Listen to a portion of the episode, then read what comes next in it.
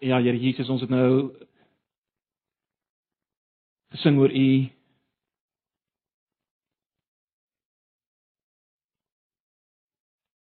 Ons het as te ware in hoogste rad gesê wat ons van U dink deur middel van musiek, sang. Here ons is die bewus daarvan dat ons nog ver te kort kom om U na waarde te besin. U die koning van alle konings. Die Here van alle Here. Die een wat is, wat was en wat sal kom. Die Almagtige. Die een uit wie en deur wie en tot wie alles is. En ons is vanoggend hier om een rede en dit is Here Jesus om U groot te maak, om die kollig op U te laat val om meer van U te sien. En in hierdie hele reeks wat voor lê, Here, is dit ons begeerte dat U maar net ons oë sal oopmaak om U self te sien op 'n nuwe manier.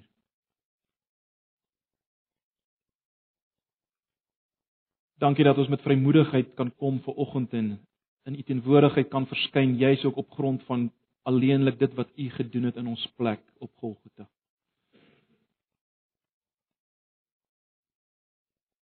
Ag Here, ons vra nou dat U ons gedagtes gevange sal neem.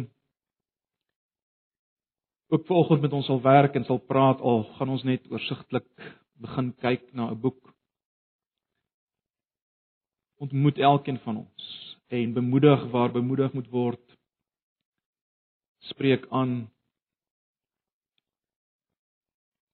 Trek ons maar net na U self. Ag Here, sodat ons as gemeente maar net meer en meer in alles wat ons dink en sê en doen, U kan groot maak. Asseblief, ons vra dit in Jesus se naam. Amen. Nou broers en susters, uh, ons het nou klaar gemaak met Eksodus. Ehm um, verlede Sondag het ons nou uh, vir die laaste keer daarna gekyk. Ongelukkig het daai preek nou nie opgevang nie. Iets het verkeerd geloop. So uh, die van julle wat nou nie was nie, sal dit nou nooit kan nooit kan weet wat gebeur het met die laaste preek nie. Maar goed, ons is uh, klaar met Exodus. Ehm um, ek weet van die selgroepe is miskien nog nie heeltemal klaar nie. Maar John sal met julle daaroor praat, maar ons uh, gaan begin met Hebreërs en Hebreërs gaan ons waarskynlik deurneem na volgende jaar toe. En uh, ek wil vanoggend begin met uh, met die eerste deel van 'n twee deel tweeledige inleiding uh, oor Hebreërs voor ons dan gaan wegsak op in die boek self en julle gaan dan in julle klein groepe Hebreërs deurtrap. Ehm um, julle sal nog die materiaal en alles kry by by John hulle. Miskien kan julle maar net uh, die boek Hebreërs byderhand hou. Uh ek gaan redelik vir julle deurvat op die op die PowerPoint, maar dit sal goed wees as julle maar die Bybel self ook by julle het.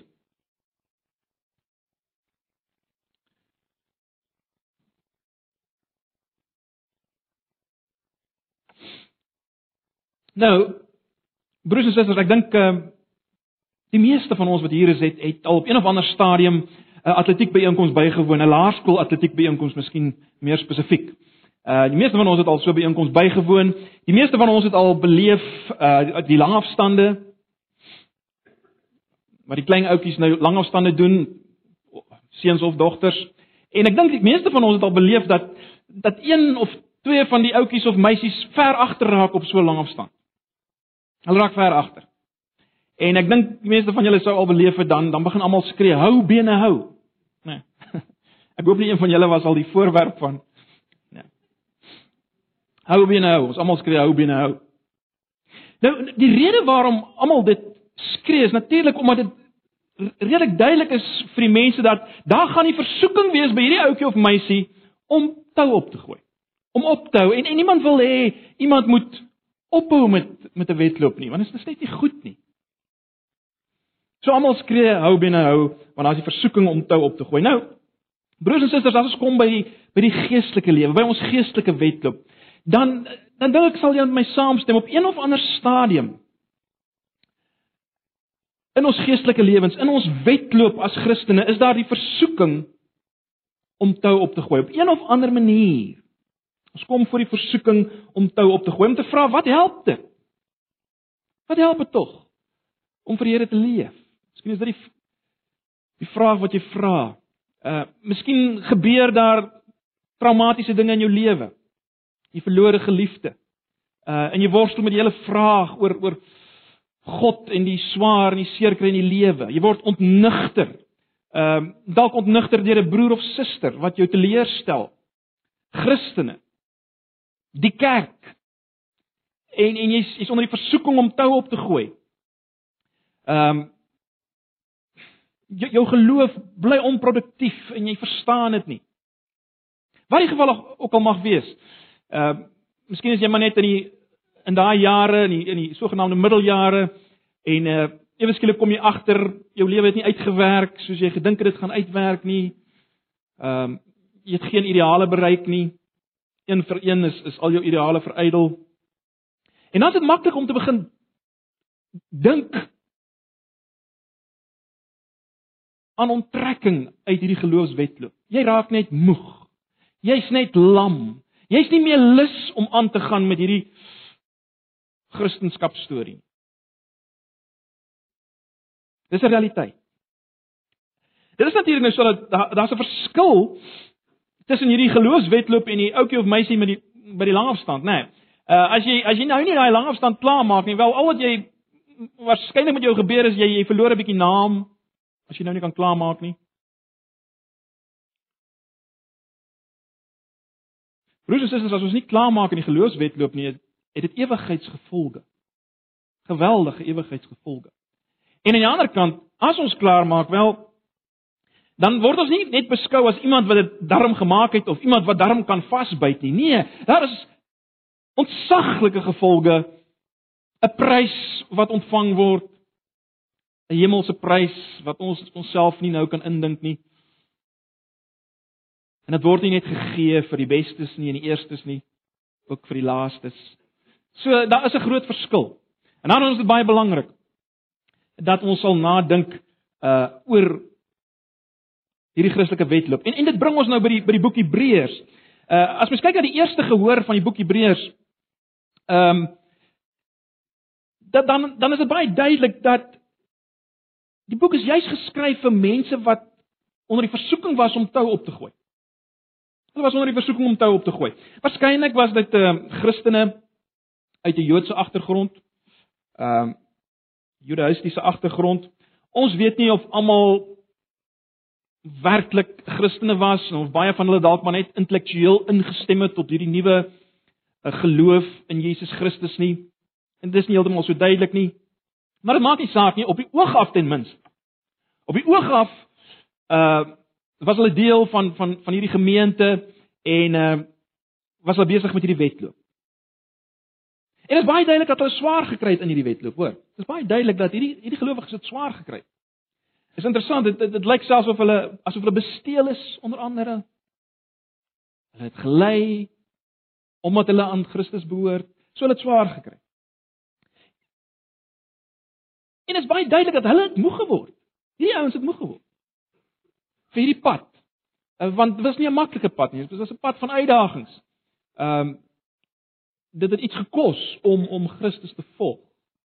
En dan lees ons baie interessant, uh byvoorbeeld in in Hebreërs 12 vers 12 lees ons van slap hande en lam knieë. Die skrywer sê rig op die slap hande en die lam knieë. Hierdie ouens het het lam geword. Dit wat ons nou net beskryf het lamheid het oor hulle gekom, 'n slapheid. Uh want hierdie wedloop was net te taai. Te uitmergel.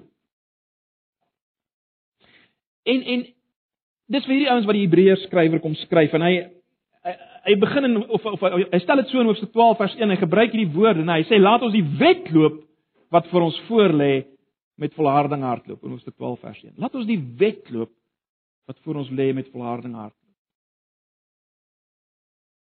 En dit bring ons by die doel van hele boek. Dit bring ons by die doel van die boek. Die doel van hierdie boek is om hierdie gelowiges aan te moedig om nie op te gee nie, né?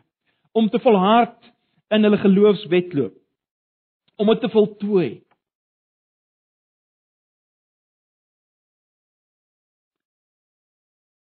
Dis waaroor dit gaan. Hou binne hou.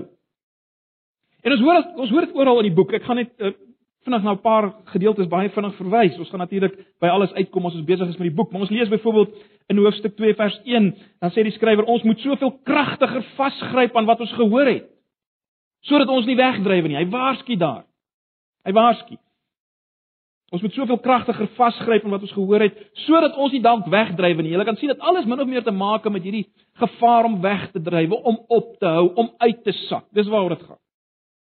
In Hoofstuk 4 vers 1 sê hy: "Oppas dat dit nie miskien later blyk dat een van julle agtergebly het nie." Hoofstuk 4 vers 1. En dan kom hy by Hoofstuk 6 en hy sê: "Laat ons nie stil staan by die eerste dinge wat aangaande Christus verkondig word, maar verder gaan na die volle inhoud van die boodskap." En in vers 11 van van dieselfde hoofstuk 6, dis ons vurige wens dat elkeen van julle end uit end uit dieselfde ywer as vroeër aan die dag sal lê totdat die dinge waarop jy hoop vervul is. Dit sien baie duidelik, dit gaan oor hierdie wedloop. Volharding, aanhou. End uit. En dan nadat hy met oortuiging toon dat dat Jesus Christus al ons behoeftes vervul, dan roep hy uit daar in in Hoofstuk 10 vers 22 tot 23: Laat ons tot God nader met 'n opregte hart en met volle geloofsekerheid Laat ons styf vashou sê hy aan die hoop wat ons bely. Want ons God is getrou, hy doen wat hy beloof het. En dan 'n entjie verder in hoofstuk 10 sê hy weer vanaf vers 35: Julle geloofsvertroue moet julle dus nie prysgee nie. Volharding is no, is wat julle nodig het om die wil van God te doen en te ontvang wat hy beloof het. Weereens, volharding is nodig. Oproep. Hy gebruik die hele hoofstuk baie bekende hoofstuk 11 om om sy lesers te herinner aan aan die groot geloofshelde uh soos ons hulle noem in die verlede Moses en Abraham en Noag en Jakob en Josef al hierdie ouens ouens wat die wedloop voltooi het. In hoofstuk 11 herinner die skrywer sy lesers aan hierdie ouens om hulle aan te spoor in hulle eie geloofswedloop. Hy sê kyk na hierdie ouens. Onthou hulle in julle eie wet. So die skrywer wil hierdie gelowiges, hierdie gemeente aanmoedig om nie tou op te gooi nie. Net net terloops iets oor die skrywer. Ons weet nie wie die skrywer is. Daar's presies baie debatte daaroor.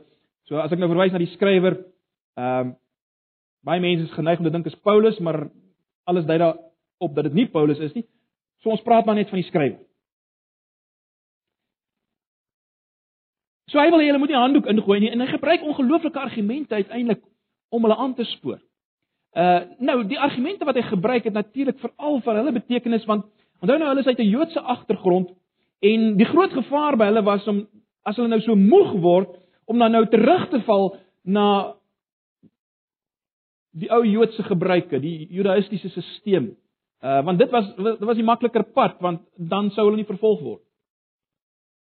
Sou weer al hierdie goeters nakom. So so dis die agtergrond waar hy die skrywer skryf en En en dis ook die rede waarom ons sukkel met die boek, omdat dit hierdie agtergrond het, né? Nee. En dit bring my met die vraag, waarom sukkel ons met hierdie boek? Ek meen, dit klink tog asof dit 'n boek is wat ons moet bestudeer. Uh, omdat ons ook sukkel uh met volharding, uh daar's die versoeking by ons om om om om uit te sak, om moeg te word.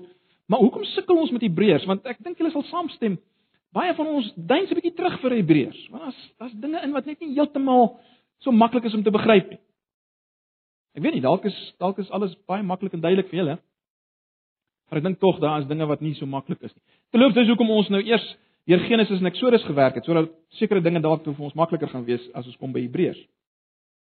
Maar goed, uh, ek dink tog ons ons as gelowiges in die algemeen, uh sukkel soms met Hebreërs en veral sekere dinge in Hebreërs. En ek dink daar's veral twee redes. Twee redes waarom ons terugduins, 'n bietjie terugduins van die boek Hebreërs uh en nie werklik insak in die boek soos ons moet nie. Uh die eerste rede is maar bloot dat dat dit lyk as mens Hebreërs begin bestudeer, dan lyk dit asof daar sekere temas is wat mense kan amper sê aanhoudend op teruggeval word. Ehm uh, waarop die skrywer uitbrei temas wat kom ek stel dit so nou nie onder die top 10 interessante geestelike temas is nie, nê, nee, die top 10 temas wat uh, waarmee ons ons graag sou wou besig hou. Dis net nie sulke temas nie. Ek meen, uh as as mens nou net so vinnig dink oor die boek, die boek begin met 'n redelik ingewikkelde bespreking van engele. En dan gaan dit oor in uh, met 'n behandeling van Psalm 95 en uh, dan oor wat dit regtig beteken om God se rus in te gaan en dan beweeg dit na Melchisedek en dan word die meublement van die tabernakel beskryf en dan eindig dit met 'n vermaaning om buite die kamp te gaan. Nou ek dink nie ek is verkeerd as ek sê min van ons het die afgelope week oor een van hierdie onderwerpe gesels. Nee. Dis nou nie juist die tipe dinge waaroor ons praat.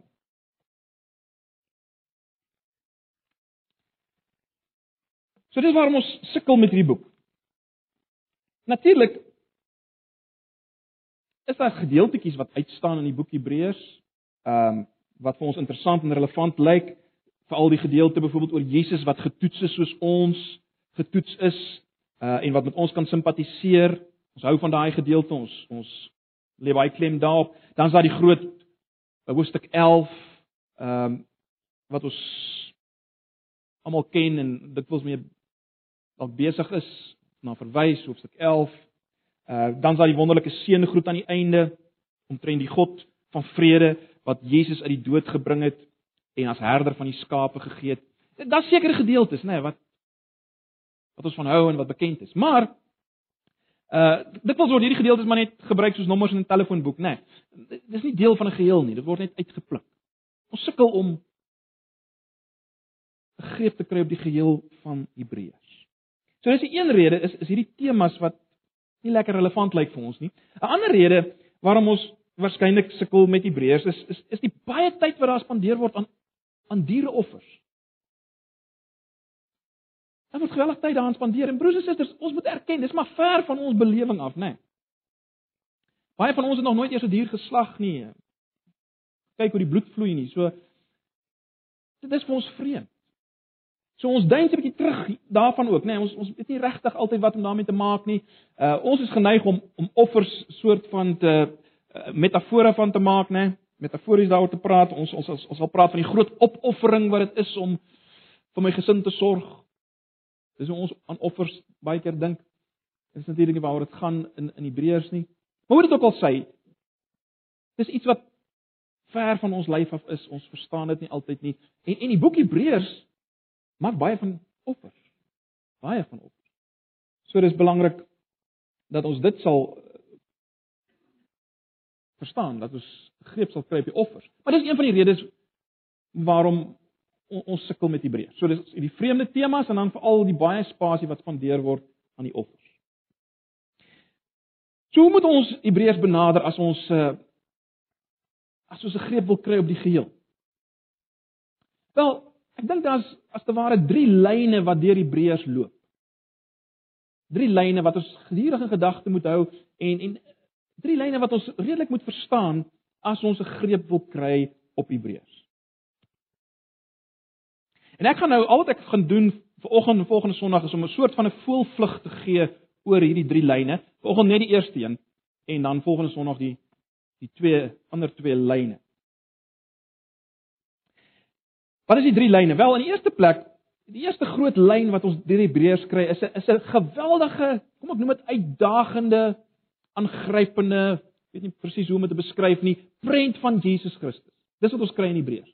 'n Prent van Jesus Christus. 'n Geweldige, uitdagende, aangrypende prent van Jesus Christus. Dis die eerste lyn wat dwars deur die boek loop en waarna ons nou vanoggend gaan kyk.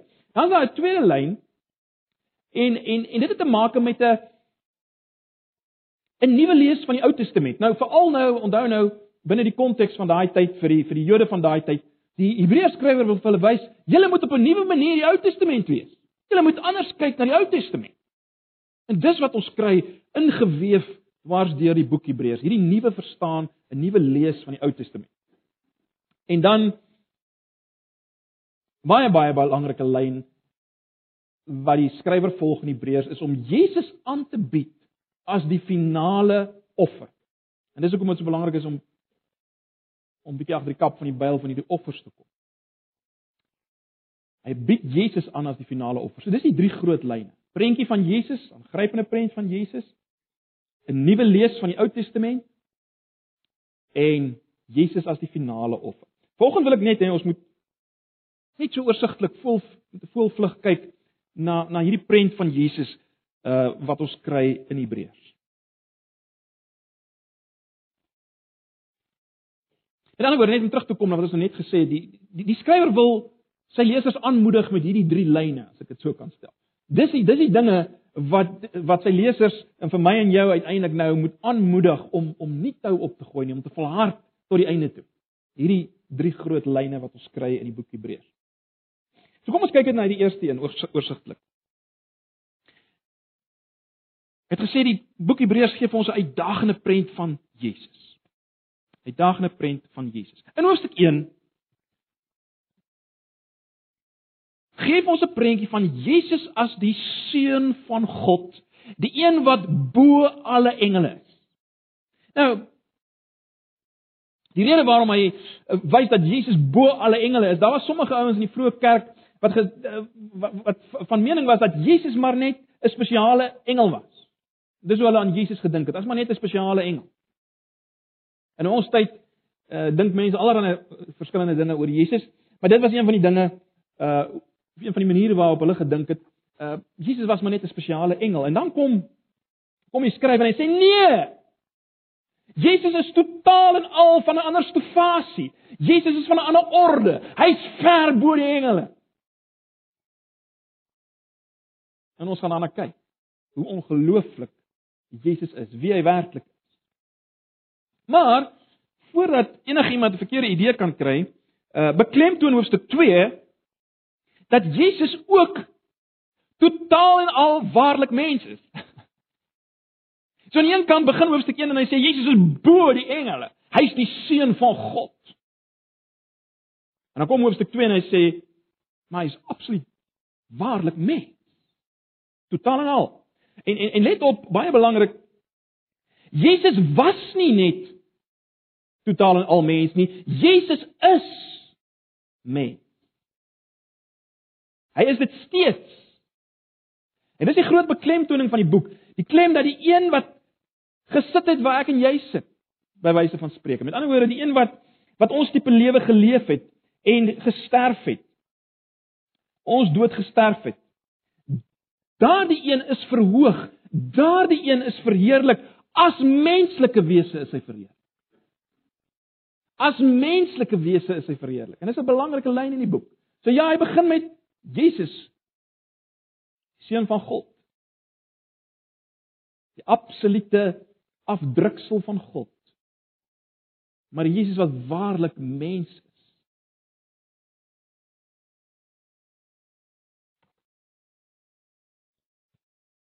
Met die klem op is.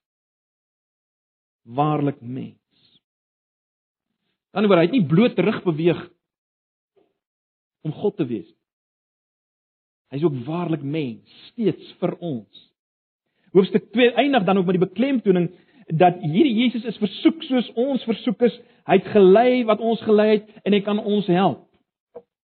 Hy kan ons help in ons versoeking. So eindig hoofstuk 2. En ons sal hierna kyk. Dan kom ons by hoofstuk 3 en 4 wat Jesus teken as die as die ware Joshua. As die ware Joshua. Terloops Jesus en Joshua is eintlik dieselfde naam, né, nee, in die Grieks en die Hebreëus. Maar Jesus word geteken as die as die ware Joshua. Hy's die een wat sy mense vir my en jou na die ware beloofde land lei. Nou, ons het nou na Eksodus gekyk en na die begin kyk na die tog na die beloofde land. Hebreërs kom en wys dat Jesus is die finale een, hy is die finale Joshua wat ons lei na die beloofde land. En dit geweldige implikasie. Maar dis waarmee hoofstuk 3 en 4 werk. En dan kom hoofstuk 5, 6 en 7 en wys dat Jesus is die ware hoëpriester. Ons sal sien hoe reg die skrywer al hierdie dinge in om ons 'n prent te gee van Jesus. Hy's die seun van God, maar hy's waarlik mens. Hy's die finale Joshua. Hy's die ware hoëpriester. Hy's die ware hoëpriester 5, 6 en 7. En dis natuurlik waar die hele gedeelte van Melchisedek inkom. Nou net miskien om so vinnig gedraai te loop, uh, dit dit was 'n vir die vroeë kerk 'n probleem gewees op 'n stadium dat dat Jesus uit die uit die Dawidshuis afkomstig was, né? Nee. Want ja, dit het wel vir Jesus uh, gekwalifiseer om Messias te wees, uh, die koning van Israel te wees. Dit het hom gekwalifiseer daarvoor die feit dat hy uit die uit die Dawidshuis afgestam het. Maar dit het hom gediskwalifiseer om hoofpriester te wees. Hy het geworstel daarmee, hoor. Hoe op aarde kon hy hoofpriester wees? Hy sou heeltemal uit 'n ander stam moes wees. Hy sou uit die stam van Levi moes wees. En Hebreërs kom dan nou en hy hy dui aan dat die koning van Psalm 110 was 'n priester vir ewig volgens die orde van Melchisedek. Baie duidelik hierdie koning wat die skrywer wys is is niemand anders as Jesus nie. En en en hierdie priesterskap van hierdie koning was nie afhanklik van sy voorgeslagte nie. Uh dit was afhanklik van die roeping van God alleen. En dis Jesus se hoëpriesterskap. Dit is nie afhanklik van sy voorgeslagte nie en daarom sal daar ook nooit weer een soos hy kan wees nie. Dit kan nie voortgesit word. Hy is die finale hoëpriester. Hy is tot in alle ewigheid priester. Hy bly priester. So dis die dis die rede waarom daar gepraat word oor Melchisedek. Dis hoe dit inpas.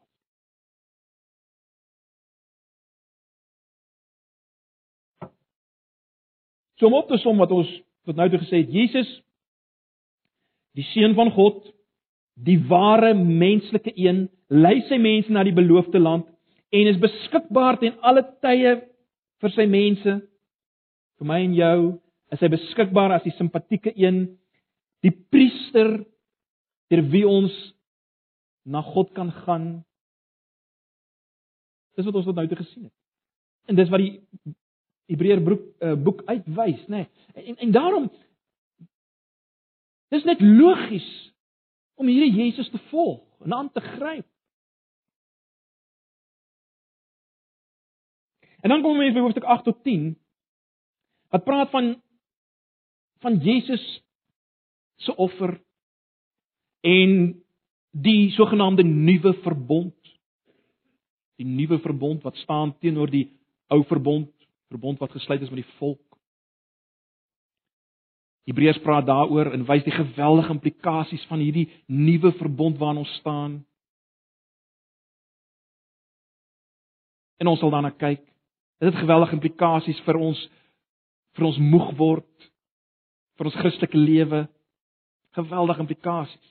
In die boek Hebreërs praat daaroor, oor hierdie nuwe verbond. En en en die feit dat ons nou vrye toegang het tot God. Ons is in 'n posisie ver beter as die volk in Eksodus, né? Nee, boek waarna ons gekyk het. Ons is in 'n baie baie beter posisie. Ons het gesien ons is in 'n beter posisie. ons is nie meer in 'n posisie waar net een man eenmal op eenmal per jaar in die allerheiligste kan ingaan nie. Ons kan enige oomblik in die absolute teenwoordigheid van God kom. Die allerheiligste kom as gevolg van die offer van Jesus, as gevolg van hierdie nuwe bedeling, die nuwe verbond, het ons direkte toegang tot God elke oomblik. Ons het verlede Sondag mekaar gesê ek en jy is die tempels, die tabernakels waarin God die Gees woon. En daarom as hy as ek elke oomblik by hom kan ek in absoluut in sy teenwoordigheid inkom. En dit het geweldige implikasies natuurlik vir my elke dag se lewe. En hoe ek met sonde omgaan. Wat ek dink en wat ek doen by die skool en by die werk. Die nuwe verbond wat saamgaan met Jesus se offer dis wat ons kry in hoofstuk 8 tot 10 en dan kom ons in hoofstuk 11 waar hierdie geweldige lys van geloofshelde gegee word. Geweldige lys van geloofshelde. Nou baie interessant. Uh in ander Joodse geskrifte is daar ook sulke lyste. En die belangrike ding van hierdie lyste was gewoonlik wie kom laaste in hierdie lys? Oor wie word laaste in hierdie lys geskryf? Wie word laaste geplaas? Dit is baie interessant. Jesus word laaste in hierdie lys geplaas as ons begin by hoofstuk 12. Hy is die enigste geloofsheld. Hy is die enigste een wat ons moet navolg. Hy hy word geplaas in hoofstuk 12. In terloops hoofstuk 12 vers 1 tot 3, miskien kan julle swyn toe blaai. Hoofstuk 12 vers 1 tot 3. Uh dis 'n oproep wat eintlik uitstaan as 'n sleutel Bybelse teks as dit kom by die hele oproep om Jesus na te volg. Kom ons lees dit net saam. Hebreërs 12, baie bekende gedeelte, né?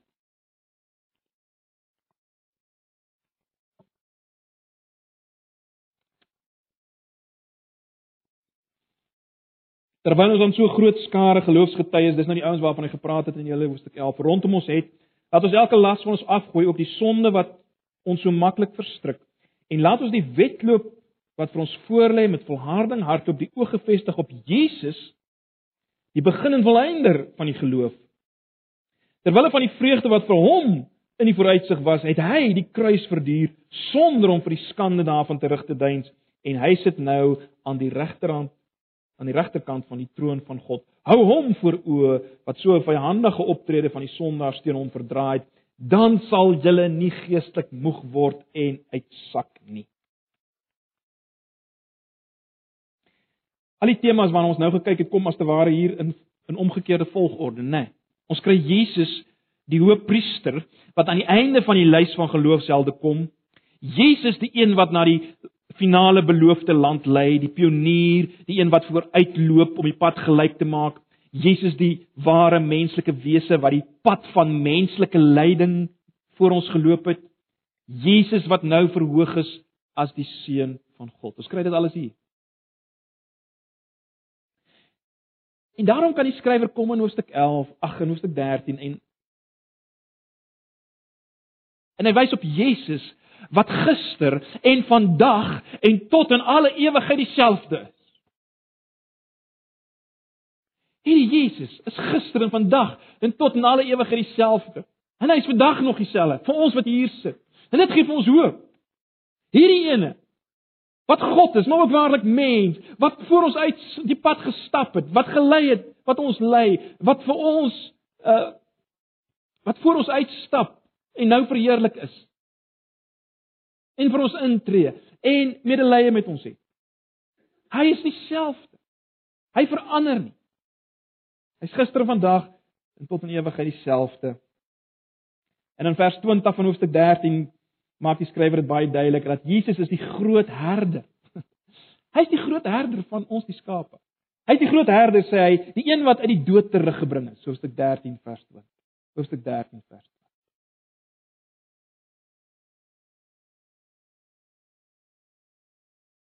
Dis die prentjie wat Hebreërs vir ons bied van Jesus broers en susters.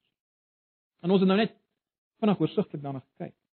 Maar dis die Jesus wat my en jou sal lei deur die lewe.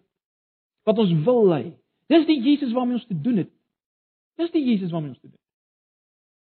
Ons het baie vir mekaar gesê ons moet tog uit ons koppe uitkry die kinderbybel prentjie van Jesus met die sagte gesig en die wit hare en die lammetjies en die arms. Nee, dis die Jesus. Jesus van Hebreërs. Dis die een met wie ons ontmoet. Ook as ons as ons die nagmaal vier, dis die een waarmee ons te doen het.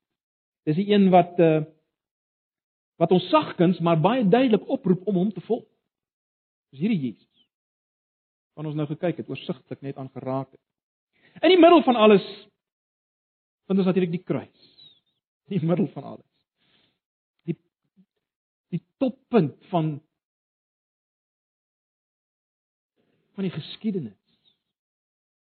Want aan die kruis sien ons werklik wie God in Jesus vir ons is. Ons sien sy absolute liefde vir ons. Maar ons sien sy absolute regverdigheid. Net aan die kruis kom die twee bymekaar. Die absolute liefde van God, ons absolute regverdigheid om sonde te straf met die dood, om bloed te laat vloei, lewe te 'n lewe te neem. Net aan die kruis sien ons dit. En dis in Jesus wat ons dit sê. Hy's die een wat sterf. Sal een van hoofstuk 1. Seun van God, bo engele. Hy's die een wat sterf as 'n offer Hy's ook natuurlik te gelykertyd die priester wat die offer bring. Maar dis dis dit, dit staan in die middel van alles, nê. Nee. Dis wat ons uiteindelik hoop gee. Dis wat ons kan soos ons um, uh, volgende Sondag sal sien, dit wat dis wat ons gewete kan bevry. Dit wat Jesus gedoen het aan die kruis. En dit staan in die klimaks. in die middel van Hebreërs. So broers en susters, dis die eerste lyn deur die boek Hebreërs. Dis die eerste lyn deur die boek Hebreërs. Dit gee vir ons 'n prentjie van Jesus. Nou, as jy vanoggend hier sit en en jy's een van die wat begin moeg word het in jou geestelike lewe, stadig het 'n lamheid begin intree. So vol van wat ook al die rede mag wees. Jy het nodig om besig te raak met die boek Hebreërs. Jy het nodig om die persoon Jesus weer te sien in jou oë op hom te vestig. Ons is geneig om te dink as ons so lam en slap raak, dis daar's klomp goed wat ons nou weer moet doen. Maar die die boek Hebreërs kom in die eerste plek en wys vir ons jy moet begin weer iets sien. Jy moet Jesus sien en jy moet 'n persoon sien. Ag, en ons weet dit. Ons weet hoe 'n persoon jou lewe kan verander, né? Nee. En dan beïnvloed. Uh Dink maar as jy as jy verlief raak op iemand, hoe daai persoon jou jou, jou hele gedrag kan verander, jou manier van dink en jou optrede, jou lus vir die lewe kan verander. En selfs later in jou lewe kan 'n persoon 'n geweldige invloed hê. Miskien 'n sportheld of 'n musiekheld of wat die geval mag wees of 'n goeie vriend. Maar 'n persoon kan 'n geweldige invloed hê op jou hele manier van lewe. Nou, die boek Hebreërs kom wys Die persoon Jesus is die lewe. Hy is die een wat werklik lewe gee. En ons nodig om hom te kyk en herinner te word aan wie hy is. Ons moet onsself daaraan herinner. Ons moet mekaar daar daaraan herinner. Ons moet doelbewus na hom kyk, oor hom dink. En daarom is die boek Hebreërs vir jou en vir my, want ons almal almal raak maar moeg en mat in hierdie wedloop uh, in die Christelike lewe. En ons het nodig om weer te kyk na Jesus.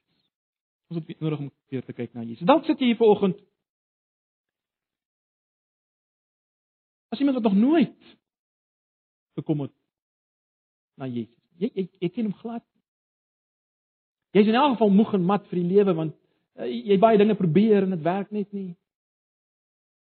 En sonde maak jou moeg, van die wêreld maak jou moeg. En nou ek jy ook uit om te kom besig te raak met die boek Hebreërs. Kom sien wat werklike lewe is en wie werklike lewe gee. Kom sien Jesus raak. Ag broers en susters, dit is my gebed dat ehm uh, dat die Here die boek Hebreërs sal gebruik as ons begin besig raak daarmee. Dat hy dit sal gebruik om ons uh ons lap, lam hande en slap knieë op terug sterk te maak sodat ons die wedloop met volharding kan hardloop. Mag die Here sy woord gebruik. Ons word 'n paar oomblikke stil en dan vra ek dat ons nou sal bid dat die Here hierdie boek sal gebruik. Eers in jou eie lewe, maar ook in jou broers en susters se lewe. Ek gaan 'n paar oomblikke van stil gebed gee. Kom ons bring dit na die Here en ons bring hierdie boek na die Here en ons sê Here, kom praat met ons deur die boek. Kom wys vir ons wie U is. Maak ons weer opgewonde oor Jesus. Onder wat hy gedoen het vir ons. Kom ons raak stil vir 'n paar oomblikke en sal ek net vir ons afsluit.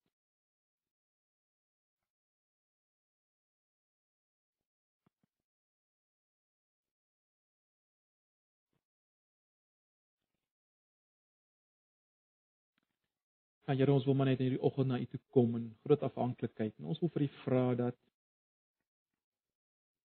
dat U hierdie boek Hebreërs sal gebruik in ons as individue en ons as 'n gemeente se lewens.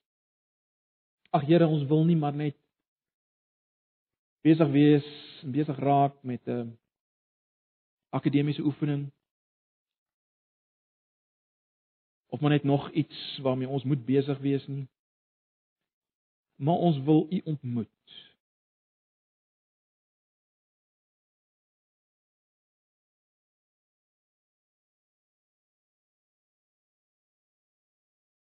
U die laaste, die finale woord van God.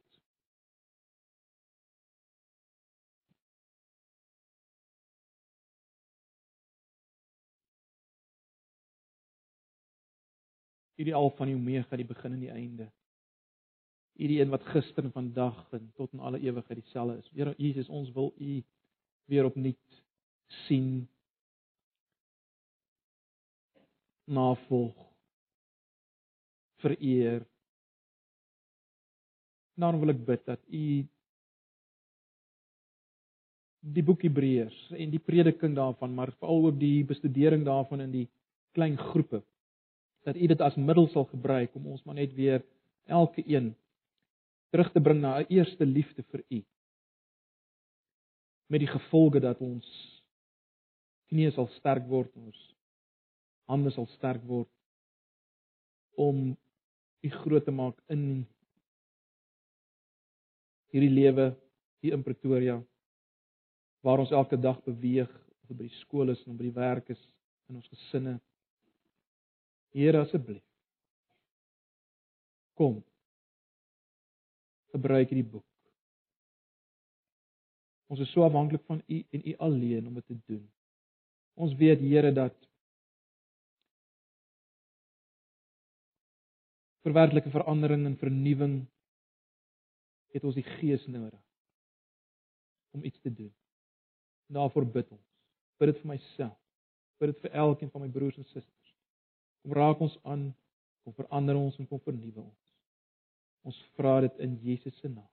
Amen. Kom ons sluit af.